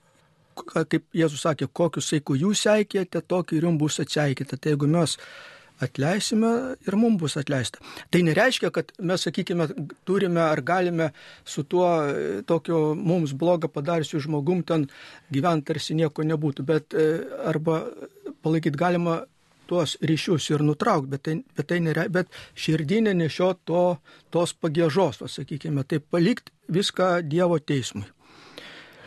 Taip, dar čia yra prašymas priminti apie visuotinius atlaidus mirusiesiems vėlinių oktavoje. Taigi tą ir darome visą vėlinių aštuondienį, reiškia nuo vėlinių dienos aštuonias dienas galime mm, aplankyti bažnyčią ir pasimelsti e, už savo mirusius e, ir taip mirusiems laimėti e, visuotinius atlaidus. E, Taigi reikia e, aplankyti bažnyčią ar viešą koplyčią ir sukalbėti tėvę mūsų maldą ir tikėjimo išpažinimą. Va, ir taip pat sukalbėti, pasimelsti popiežiaus intenciją nuo pirmos iki aštuntos dienos. Va. Ir mm, bent mm, galima aplankyti taip pat kapinės vienas variantas, kitas variantas aplankyti, kaip sakiau, bažnyčią ar viešą koplyčią. Taigi e, e, pasimeldžiame už mirusius ir pasimeldžiam popiežiaus intenciją ir artimiausių metų e, prieinam iš pažinties, jeigu reikia, ir priimame šventąją komuniją. Taigi mm, taip galime laimėti visuotinius atlaidus mūsų mirusiems. Bažnyčia tokią mm, dovaną teikia. Dar yra mm, toks e, klausimas, e, prašymas kokiomis sąlygomis e, tikintysis kasdien gali pelnyti visuotinius ar dalinius atlaidus. Tai na, visuotiniai atlaidai dovanojami tam, kuris bent pusę valandos, pavyzdžiui, skaito šventą įraštą namuose, kuris taip pat meldžiasi rožinį rožinį kartu su bendruomenė bažnyčioje. Va, taip pat daliniai atlaidai skiriami tiems, kurie meldžiasi įvairiausiomis maldomis, ar ne, kurie e, meldžiasi, pavyzdžiui, atlaidų dieną lankosi bažnyčioje ir panašiai. Tik tai reikia prisiminti, kad svarbu pasimelsti popiežiaus intenciją ir tai yra už tai, kas rūpi popiežiui, už, kai, už tai, dėl ko popiežius meldžiasi. Ir taip pat E, taip pat svarbu priimti šventąją komuniją ir jeigu reikia atlikti išpažinti. Taip, dar žiūrime, kokie e, klausimai yra mums atsiųsti. Kol žiūrite, aš pasakysiu kelias, kelias minti, šventųjų kelias mintis. Šventas Pranciškus Elizietis taip sakė apie e, sielų, apie mirusių prisiminimą. Mes, ne, mes pakankamai neprisimename savo brangių mirusių draugų Jų prisiminimas išnyksta draugės su laidotųjų varpų skambesiu. Tuo mes parodome, kad mūsų draugystė nutrūkusi mirties atveju niekada nebuvo nuoširdį. Arba štai Šventas Augustinas sako, vienas iš švenčiausių darbų, vienas geriausių pamaldumo pratybų šiame pasaulyje yra atnašauti aukas, išmaldas ir maldas užmirusius. O, o Šventas Jeronimas sako, pagalba, kurią mes duodame mirusiems, suteikia mums panašų gailestingumą. Taigi matome, kad arba štai vat, e, pagalba mirusiems. Šventai Brigitai buvo apreikšta, kad tas, kuris išlaisvina sielai skaistyklos, turi tą patį nuopelną, lyg jis išlaisvintų patį Jėzų Kristų iš nelaisvės. Tai aš tik tai noriu pasakyti, kad pas, paskutiniu metu vat, pastebiu tokią tendenciją į, į kapines dabar privažiuoja daugybė žmonių, žvakių atveža dėžėmis, gėlėmis išpošia kuo puikiausiai. O sakykime, kad užmirusius užsakytų šventas mišes, kad ateitų į pamaldas, va, tai tokių kažkaip iš tos daugybės labai nedaug ateina, nedidelė tik dalis tik ateina. Tai va čia yra gana toks tikė, tikėjimas, kada jisai virsta į tą paviršutiniškumą, į tokią į išorę, bet nesiekia tos gelmės, tai yra tas jau tikėjimo labai silpnėjimo didelis ženklas. Taip.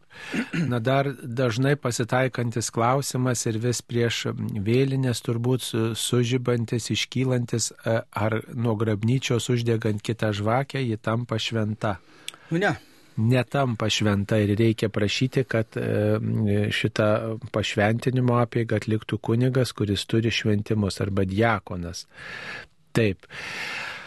E, ar nevertėtų kunigams eiti į mokyklas ir mokyti mokinius moralės normos, nes dabar vaikinų ar merginai pasisakyti, kad esi nekaltas, tai to lygus savižudybė, o jūs kunigai norite, kad iš tokios aplinkos į seminariją jaunuoliai stotų, kaip taip niekada nebuvo ir nebus.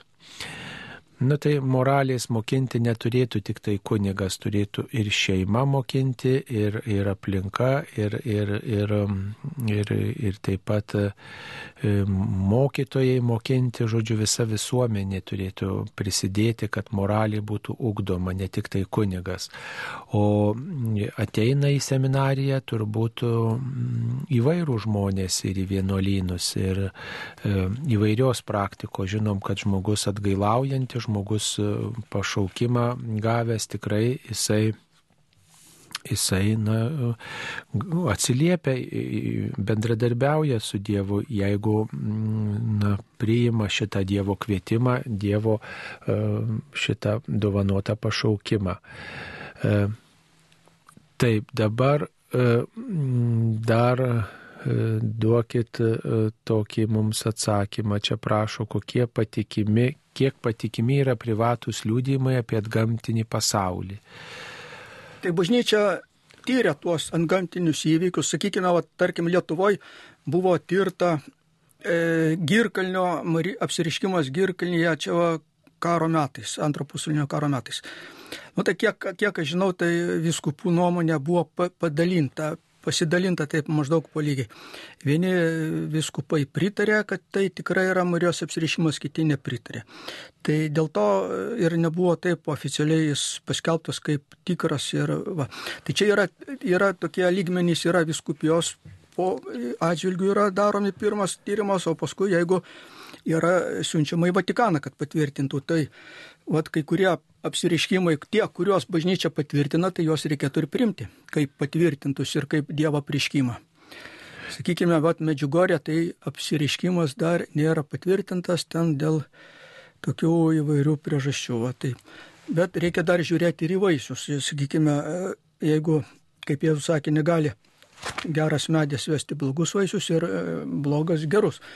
Tai kokius vaisius tas apsireiškimas, ar ta apsireiškimo vieta ir regėtų ir visą kitą nuo to paskui ai, neša. Taip, mums paskambino. Klausytoja Valdereza. Taip, klauskite. Gerbėjas į Kristui. Per amžius. Aš šį kartą gal nepaklausti noriu, bet pasidalinti. Labai dėkoju moteriai, kuri dėl vaškelio pasakė, ruošiausi irgi skambinti ir tikėjausi, kad ir kažkas kitas paskambins, tai iš tikrųjų nuostabus ir puikiai besidarbuojantis kunigas, tik dėl lygos yra jo tokia situacija, jeigu moteris būtų kaunietė, nesipiktintų. Ir labai labai noriu paprašyti ir žmonėm pasakyti, kad sesutės Fausnos dienoraštį 825 skirsnis. Gal jūs, jeigu turite Fausnos dienoraštį, net ir paskaityti žmonėm galėtumėte, nes kaip tik šiandien yra kalbama va, mirties tema, amžinybės tema ten jinai rašo apie valandą, kurios negali sulaukti, laukia, nes išvys Jėzų pilnai bendrystiai. Ne, mes kartais bijom mirties, pradžioje visi bijom turbūt, kol nepažįstam Kristaus. Kai pradedam jį pažinti, šitas lipinys mums keičiasi į bendravimo su Dievu džiaugsmą, nes ten yra taip nuostabiai parašyta. Sesutė Faustina ir skaistyklą regėjo, jai buvo leista ir pragarą pamatyti, ir Kristaus meilę patirti. Todėl at, jos dienoraštis yra iš tikrųjų mums pagodo šaltinis. Iš tikrųjų, artėjančių visų švenčių progą dėkoju kunigam, kurie yra studijoje ir visiems žmonėms linkiu kuo labiau pažvelgti Kristų. Garbė Dievui tėvui ir sūnui šventai duosiu. Kai buvo pradžioje, dabar ir visada ir per amžius amen. Ačiū Jums, mėla sesė, kad Jūs skambinate ir kad Jums rūpi Dievo gailestingumo žinia ir Faustinos dienoraštis. Tai tikrai raginame skaityti. Faustinos dienoraštį ir, ir tikrai e, malda ruošti susitikimui su Dievu amžinajam gyvenimui. Dar viena žinutė, ar galima Kaune užsakyti grigališkas e, mišes, jei galima, tai kur ir kiek tai galėtų kainuoti. Na tai grigališkos mišios, tai yra tos mišios, kai kunigas 30 dienų meldžiasi vieną intenciją, jūsų intencija, tai yra nuo popiežiaus grigaliaus laikų e, gyvojanti tradicija, 30 dienų nepertraukiamai melstis už vieną e, žmogų. Tai, tai tą galima užsakyti toje bažnyčioje, kurioje dirba, dirba ke, keli kunigai, tai tada yra galimybė vienam kunigui šitą įsipareigojimą prisiminti, prisijimti. Paprastai tai atlieka, e, atlieka e, vienuolynų bendruomenės, pavyzdžiui, e, karmelitai, žinau, kad esu kalbėjęs su karmelitais, jie šitą įsipareigojimą prisijimtų, vieni žmonės čia kreipėsi, tai tikrai jie maloniai sutiko patarnauti, žodžiu, tai ir kitos vienuolinės bendruomenės. Vat apie e, šventą, šventas Grigalius mišes trumpai. Tai šventas Grigalius, jos vadinamos todėl, kad atsirado popiežiaus Grigaliaus didžio laikais šešto amžiaus pabaigoje. Šventas Grigalius priklausė Švento Andrėjaus ordinui. Vėliau jisai tapo to ordino abatu. Bažnyčias buvo pirmas vienuolis išrinktas popiežiumi. Jisai buvo paskutinis vakarų bažnyčios daktaras. Tiksliau, tėvas, vadinamas nu, bažnyčios tėvai tėvas. Jam esant vienuolino batų, to paties vienuolino vienuolis Justas iš kažkur gavęs tris gabulus aukso pasilaikė juos savo. Ir to skaudžiai nusikalto prieš vienuolišką neturto įžadą. Jam sunkiai susirgus jis atidengė šitą nusikaltimą ir iškart buvo ekskomunikuotas. Tai jame sužadino gailestį ir mirė atgailodamas. Jį ekskomunikavus ne vienas vienuolis negalėjo lankyti nei sergančio, nei vėliau jau mirusio. Jis buvo palaidotas ne vienuolino kapinėse, bet mėšlynę draugę su trimis aukso gabalais. Po kurio laiko, nurimus viešam papiktinimui, šventasis abatas pasirūpino sutvarkyti reikalą. Nuėmęs ekskomunikais kalbėjo vienuolino prokuratoriui apie vienuolį Jūsta. Nuo mirties akimirksnio mūsų brolis kankinasi skaistyklos liepsnuose. Krikščioniškos artimo meilės skatinami mes turime jį išgelbėti. Eik ir patvarkyk, kad už jo sielą būtų atnašauta 30 šventų mišių per 30 dienų. Tegul ne vienas rytas nepraeina be šventų mišių už jo išlaisvinimą. 30 dieną paukojus 30-asias mišias, miręs vienuolis Justas apsireiškė savo broliui Kapijosui, sakydamas, Tebūnė pagarbintas Dievas mano brolau, šiandien aš buvau išlaisvintas ir primtas į šventųjų bendruomenę. Vėliau pats šventas Grigalius aprašė tai savo pagrindinėme veikale. Ir nuo to meto yra šventas paprotys atnašauti 30 šventų mišių užmirusi. Ir šventai tikima, kad jomis siela yra išlaisvinama iš skaistyklos nors su Dievu niekas nėra sudaręs tokios sutarties. Bet vis tik bažnyčia 1884, 1888 ir 1912 metais pritarė šiai praktikai. 30 šventų mišių turi būti atnašauta per 30 dienų iš eilės, bet nebūtinai aukoja tas pats kunigas ir toje pačioje vietoje. Taigi, kaip sakė kunigas Saulis, čia dažniausiai tik vienuolino kunigai gali tokį dalyką daryti. Taip, dabar mums paskambino. Genovaitė iš Panevežio. Taip, klauskite. Garbėjai Kristui. Per amžius. Noriu jūsų paklausti, gal žinot ką nors apie kunigą iš Ukmergės Šulcą, kuris ten misionieriavo uh, šitam Rogandą ir dabar apie jį nieko negirdėti. Na, kiek žinau, jis dabar gyvena kiekštų, kiekštų kaime, toj stovyklavietėje, tiesiog bent jau atvyksta. Ir kiek žinau, kiek žinau, jis ten ruošiasi praleisti savo senatvės dienas, tai va tiek trumpai galėčiau apie jį pasakyti. Hermanas Šulcas, Afrikos misionierius, kilęs, jeigu apie jį kilęs iš Lietuvos ir tiesiog kiekštų kaime mm, prie Kretingos tenai mm, stovyklavietė įkūręs ir įvairius vaikus priima, priima tą stovyklavietį. Dėkoja klausytojai Robertui Skrinskui už lankstinuką gyventi ar gerti, ar galima už auką įsigyti apie blaivybę, turbūt lankstinuką. Aš tą lankstinuką galiu tik atsiųsti elektroniniu paštu, mano pavardės Krinskas, ta, e, paskui eta gmail.com. Tai va parašykite tokiu adresu ir elektroniniu paštu ir, ir taip pat atsiūs kunigas jums ir galėsite kompiuterį paskaityti. Skrinskas eta gmail.com.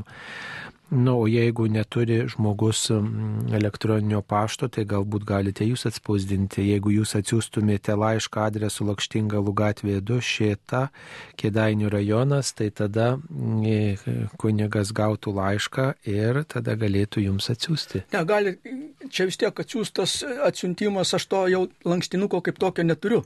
Jau jie pasibaigė. Buvo išdalinti išplatinti, tai dabar tik tai galima atsiųsti, galima nuoti į biblioteką savo seniūnijoje ir ten paprašyti, kad jums padėtų parašyti man laišką ir aš tuo adresu atgal atsiųsiu. Taip. Kaip elgti su šeima mažais vaikais, einant į savo parapiją, kur dirba e, girtuoklis, turbūt įsiskyrė Zakristijonas, juk bažnyčia netokių dalykų nemoko, dėje vyksta. Nu tai Dieve, jūs neapsaugosit e, savo vaiko nuo, nuo, e, taip sakant, kitų žmonių gyvenimo būdo, kurie nu, vat, yra įvairiose institucijose, įvairiose bendruomenėse, įvairiose srityse. Jūs tiesiog turit galimybę pasakyti, kad gyvenime yra visko, bet mes vat, renkame šviesėje pusę. Tai... O čia geras toks antigerimo pavyzdys, vat, vaikam aukliant parodyti, kad štai matai, kas gali būti, jeigu tu pradėsi gerti gert. Ir daro didelę klaidą daugelis žmonių, kad jie galvoja, kad aš vat, saikingai gersiu, tai čia viskas gerai, bet vat, viskas ir prasideda nuo to saikingo gerimo, nes kalba eina apie alkoholį, nes kaip pasaulio sveikatos organizacijos e, sesija pripažino, kad tai yra 73 metais, kad tai yra narkotikas. Taigi jeigu net ir saikingai nieks nesako, žiūrkių nuodų saikingai vartok arba gali žybalo po trupučiuką naudot, kad organizmas priprast ar ką, ne, tai ne čia yra nuodas, tai čia irgi yra nuodas. Nu va, jūs turbūt niekada tai čirkutės ne, ne, neišgerėte. Daviau priesaiką šimtą metų nevartoti, tai va, kol kas kiek čia jau praėjo, dar, dar daug liko laiko. Kiek dar liko, kokią 50 metų negerti. Nu jo, panašiai. Ir panašiai, na tai gerai, linkim, kad ištesėtumėte. Taip, kalbėjot, kad galima maldomis išlaisvinti sielą iš skaistyklos, o kaip sužinoti, ar maldos padėjo, ar dabar jau galima rašyti žinutės taisyklingai su visais ženklais. Taip, galima rašyti žinutės su visais ženklais mm, dabar mums, o kaip sužinoti, ar mūsų maldos padėjo tiems, kurie yra skaistykloje. Čia žinot, yra, yra tokių dalykų, kad kartais vienas toks yra, net irgi buvo, buvo prieškimas. Žodžiu, žmogus meldėsi Dievo, prašė, kad, kad sužinotų, koks gilikimas ištiko mano ten ar brolį ar seserį, aš dabar tiksliai nepamenu, kas ten buvo, ar ten brolis ar sesuo, meldėsi, meldėsi to, tokią intenciją, bet paskui jam buvo preikšta ta e, mirusioji prisisapnavo, sako, kam, kam tu čia visai to, ko Dievas nenori žinoti, tu prašai, tu melskis už mano sielą, tu už mano sielą nieko nesimeldė, meldėsi tokia tuščia, grinai žingeidumo intencija. Taigi, o malda iš tikrųjų yra, jinai niekada neprapuola. Jeigu žmogus jau yra danguje, tai tos maldos, mal, maldas Dievas perskirsto tiem, kam jos reikalingos arba pagal teisingumą priklauso. O, tarkim, yra tokių irgi iš apreiškimų, kad, e, nes apie tos dalykus tik tai tokiu būdu mes galime turbūt tik ir sužinot, kad, sakykime, žmogų daug melžiamas ir mišių aukojama, bet jam kol kas jos visiškai nepadeda, nes jos eina e, Dievo teisingumu už tai, už ką tas mirusysis turėjo pareigą melstis. Už savo mirusius tėvus jis nesimeldė, už savo geradarius ir už kitus, vat, ir kol nebus atsiteista už tai, ką jisai buvo privalėjo padaryti, tol jam tie nuopelnai mišių už jį aukojami neina.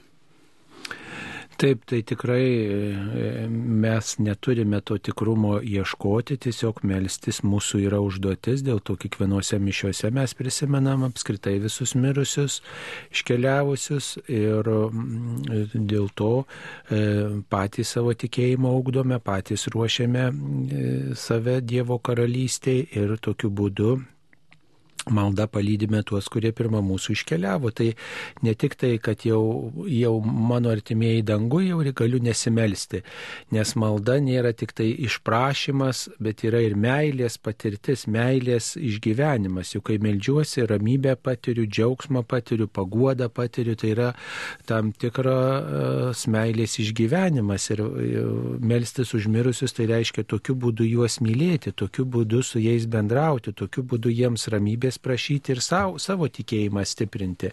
Tai ne tik tai, kad aš čia turiu padaryti taip, kad jie pakliūtų į dangų. Taip, aš tą turiu troškimą e, linkėti.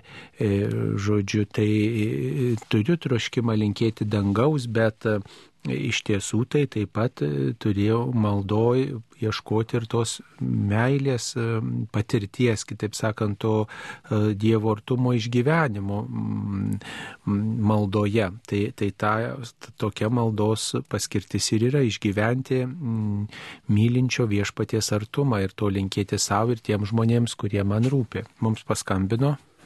Iš Joniškio Bronislava. Taip, Bronislava, klauskite. Garbė Jėzui Kristui. Per amžius amen. Labai norėčiau sužinot, kur yra mano pirmas kuningas šviesulys, ypač mamai, Jurgutis, nu pavardė, tik, vardas tikriausiai iš to susijaudinimo pamiršau, bet tai šviesulys. O praeitą laidą girdėjau tarp kitų minimų jo pavardę man labai aktualu.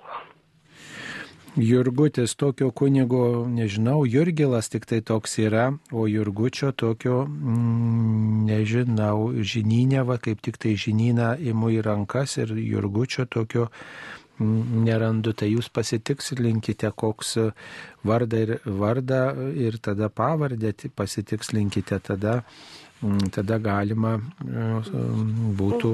Direktorius, jūs viskas žinot, jis dirbo dar seredžiuose. Seredžiuose, seredžiai tokio nėra, yra seredžius, seredžiuje. E, se, seredžius tokia vietovė yra. E, tai nežinau, kokios viskupijos čia kunigas, jeigu Kauno, tai gal vat, jūs daugiau Kauno kunigus pažįstate. Ar girdėjo tokį kunigą? Ne, ne, neatsimenate tokio kunigo. Na tai va, matot, mums reikia turėti truputį daugiau informacijos. Žinot, visų Lietuvos kunigų tikrai nepažįstame, galime surasti pavardę žinynę, bet e, jūsų minimo kunigo nėra, o Seredžių, Seredžiuje dabar dirba kitas kunigas, kunigas Linas Šipavičius, Vilkijos parapijos klebonas. E, aptarnauja tą parapiją. Taip, tai nežinau labai gaila, bet tik tiek te galim pasakyti.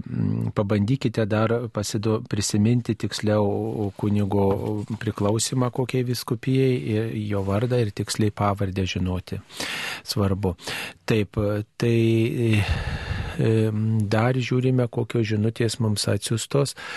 Ar yra skirtumas gyva gėlė ant kapų ar dirbtinė, juk malda svarbiausia užmirusi, o ne gėlė dirbtinė ir gyva?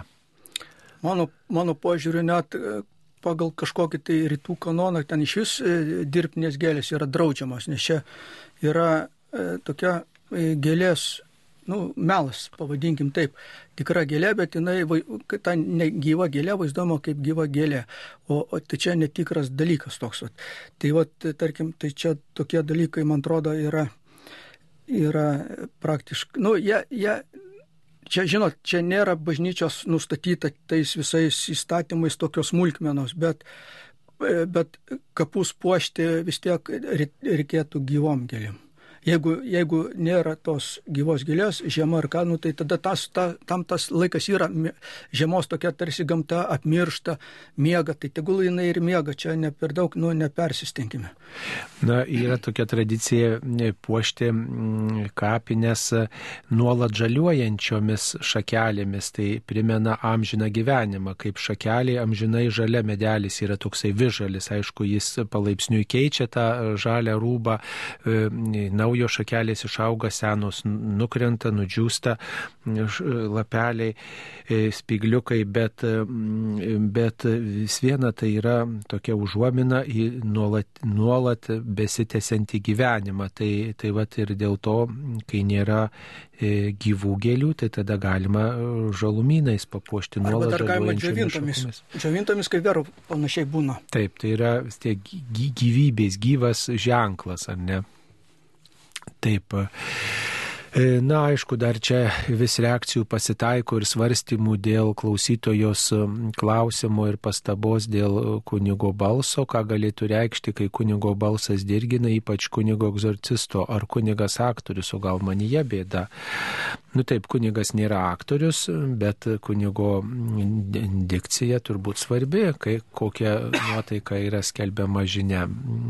Taip, kartais tai galbūt kunigo bėda, o kartais, kai labai susierzinimas man įkyla, kodėl man tai nu, netinka, nepriimtina. Nu, tai čia įvairių minčių gali kilti.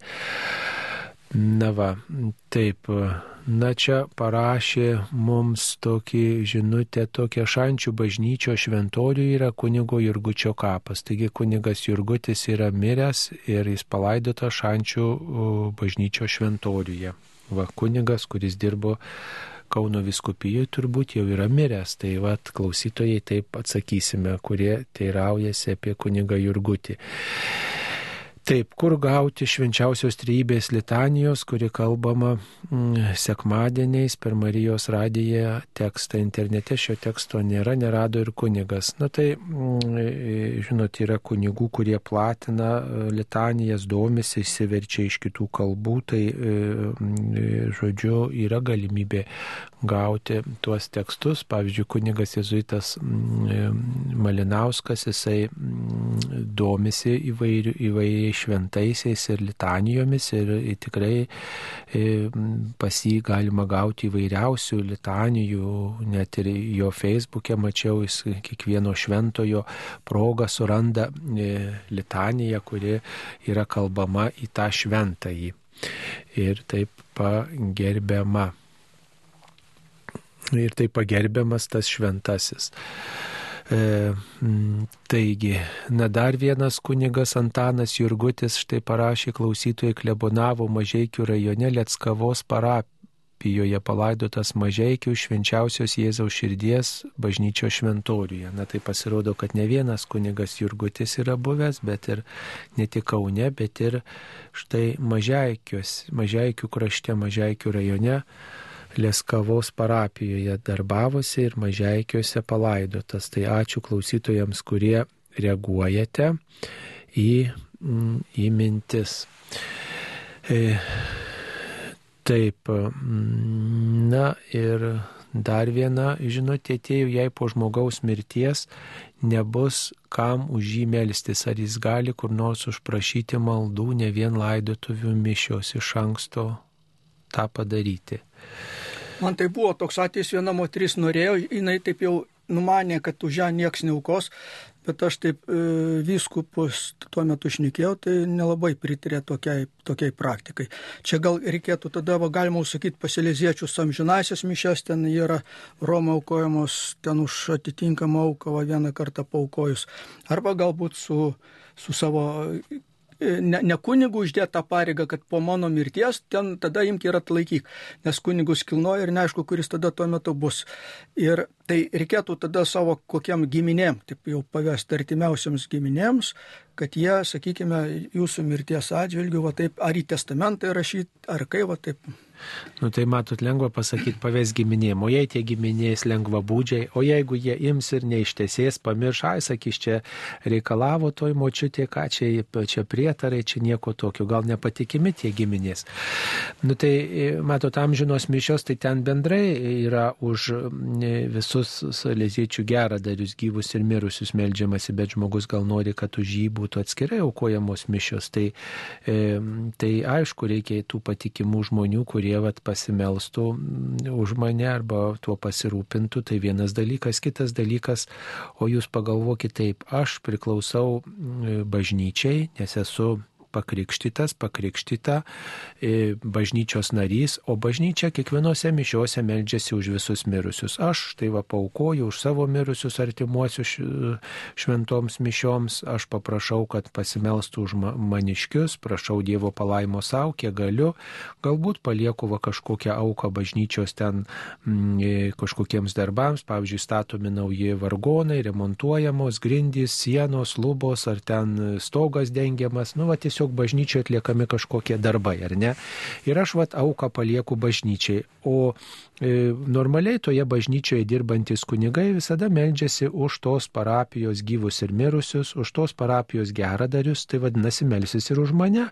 Jeigu aš prisidėjau prie tos bažnyčios, prie tos bendruomenės gyvavimo, savo auką, savo rūpeščių, meldžiausi kiek galėjau už savo artimuosius ir, ir tada, reiškia, galiu tikėtis, kad vat, man mirus gal nebus, kas užsako už mane tokių atskirų mišių, bet vat, kiekvienais metais e, tam tikrom progom per, per atlaidus visada kunigas gimeldžiasi už tos parapijos e, gyvus ir mirusius. Yra bažnyčios konsekracijos diena minima visada bažnyčioje, ne tos bažnyčios pašventinimo diena. Ir savotiškai meldžiamės ne tik tai už už bažnyčios statytojus, bet ir už tuos, kurie įvairiais būdais prisidėjo, kad ta bažnyčia gyvuotų. Tai ir už mane pasimels, kai būsiu pas viešpatį. O čia dar labai svarbu, kad būtų žmogus palaidotas šventose kapinėse. Aš va praktiką atlikau pas kunigą Girdžios tuo metu jau amžinatlisi Viktorą Šauklį. Tai šis kunigas yra toks domėjęsis tokiais įvairiais dalykais mistiniais ir jis yra išleidęs keletą knygų ir ne vienoje jų rašo, kai, sakykime, koks nors ten, jis surinko tos duomenys iš patikimų šaltinių su liūdimais, kad, sakykime, koks nors skenduolis, o jo kūno nerasdavo, jisai prisisapnuodavo ar kitaip duodavo ženklą ir jį surasdavo ir būdavo palaidotas e, pašventintose kapinėse. Ir ten iš lagerio buvo atsitikimų, jisai ten iš tų tremtinių kalinių yra parašęs tuo, tuo metu. Va. Tai va labai svarbu, kad būtų, nes už kapinės žmo, už kapinėse palaidotus, parapijos kapinėse palaidotus kiekvienas kunigas meldžiasi, ypač per vėlinės. Taigi, tai nenusiminkite, tikrai darykit gerą kitiems, patarnakit kitiems ir tikrai atsiliepkite į Dievo kvietimą melstis ir taip pat mylėti artimą kaip save patį, kaip ir viešpats tą darė ir dėl to būkite rami, tikrai viešpats dovanos dangaus karalystę jums ir tikrai bažnyčia jūs lydės savo maldose. Na ir paskutinė žinutė, labai trumpai atsakysime, kaip pagelbinti jaunuoliui, kuris nenori tikėti, kenčia vienatvę, nusivylimą, gal depresiją, prašau patarimo. Ir klausia, kur surasti Vitenį Vaškelį. Vitenį Vaškelį surasite įgulos bažnyčioje Kaune. O kaip pagelbėti jaunuoliu, tai pirmiausiai būti šalia jo, kalbėti su juo, mm, kartu veikti, kartu galbūt e, kitiems padėti, mm, daugiau judėti, daugiau užsiimti kokią fizinę veiklą, keliauti kartu, žodžiu, ir, ir tikrai prašyti, aišku, įvairių žmonių maldos už tą žmogų, galbūt jeigu yra jau kažkokių didelių tokių abejingumo, liūdėsio ženklų, galbūt reikėtų kreiptis ir pas medikus specialistus, tiesiog vat, ir įsiaiškinti priežastis, kodėl tai žmogui yra liūdna ar, ar jisai išgyvena nevilti ir nusiminimą. Mėly Marijos radio klausytojai, šioje laidoje dalyvavo kunigas e, Gedvidas Skrinskas iš Šėtos parapijos Kėdainių rajono. Prie mikrofono buvau ir aš, kunigas Saulis Bužauskas. Ačiū visiems, sudė, būkite palaiminti.